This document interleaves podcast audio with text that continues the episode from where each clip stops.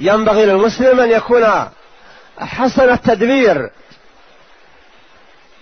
حسن المراقبة والمحاسبة. يحاسب النفس النفس ذات جماح النفس أمارة بالسوء إلا ما رحم ربي. النفس تحب اللهو.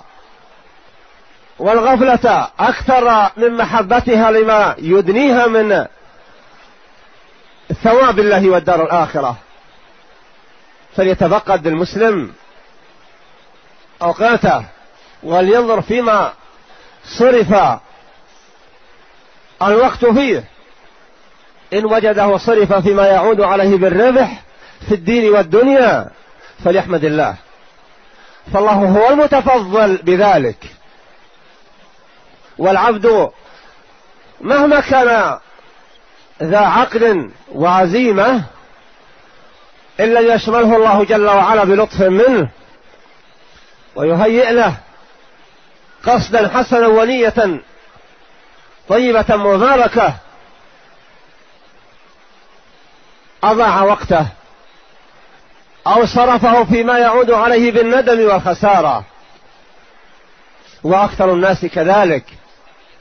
أكثر الناس لا يحسبون حسابا للوقت. كثير من المسلمين كذلك. وأما الكفار فهم عن الآخرة غافلون. والموفق من حاسب نفسه قبل الحساب. ونظر فيما يعمل. فما وجد من خير حمد الله على التوفيق. وما وجد من سوء ويا كثر ما يجد من سوء. فليبادر.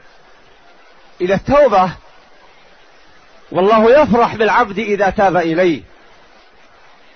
يغفر له ولا يتعاظم الذنب لأن رحمته أوسع من غضبه.